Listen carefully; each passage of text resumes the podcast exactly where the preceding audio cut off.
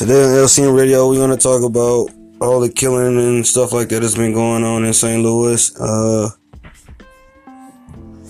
a young girl got killed at 16, and how um,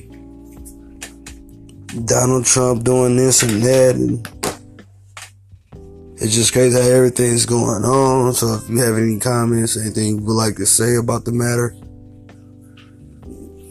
get an LC radio and we'll put you on live and we'll go from there. Stay tuned, St. Louis. Keep our head up.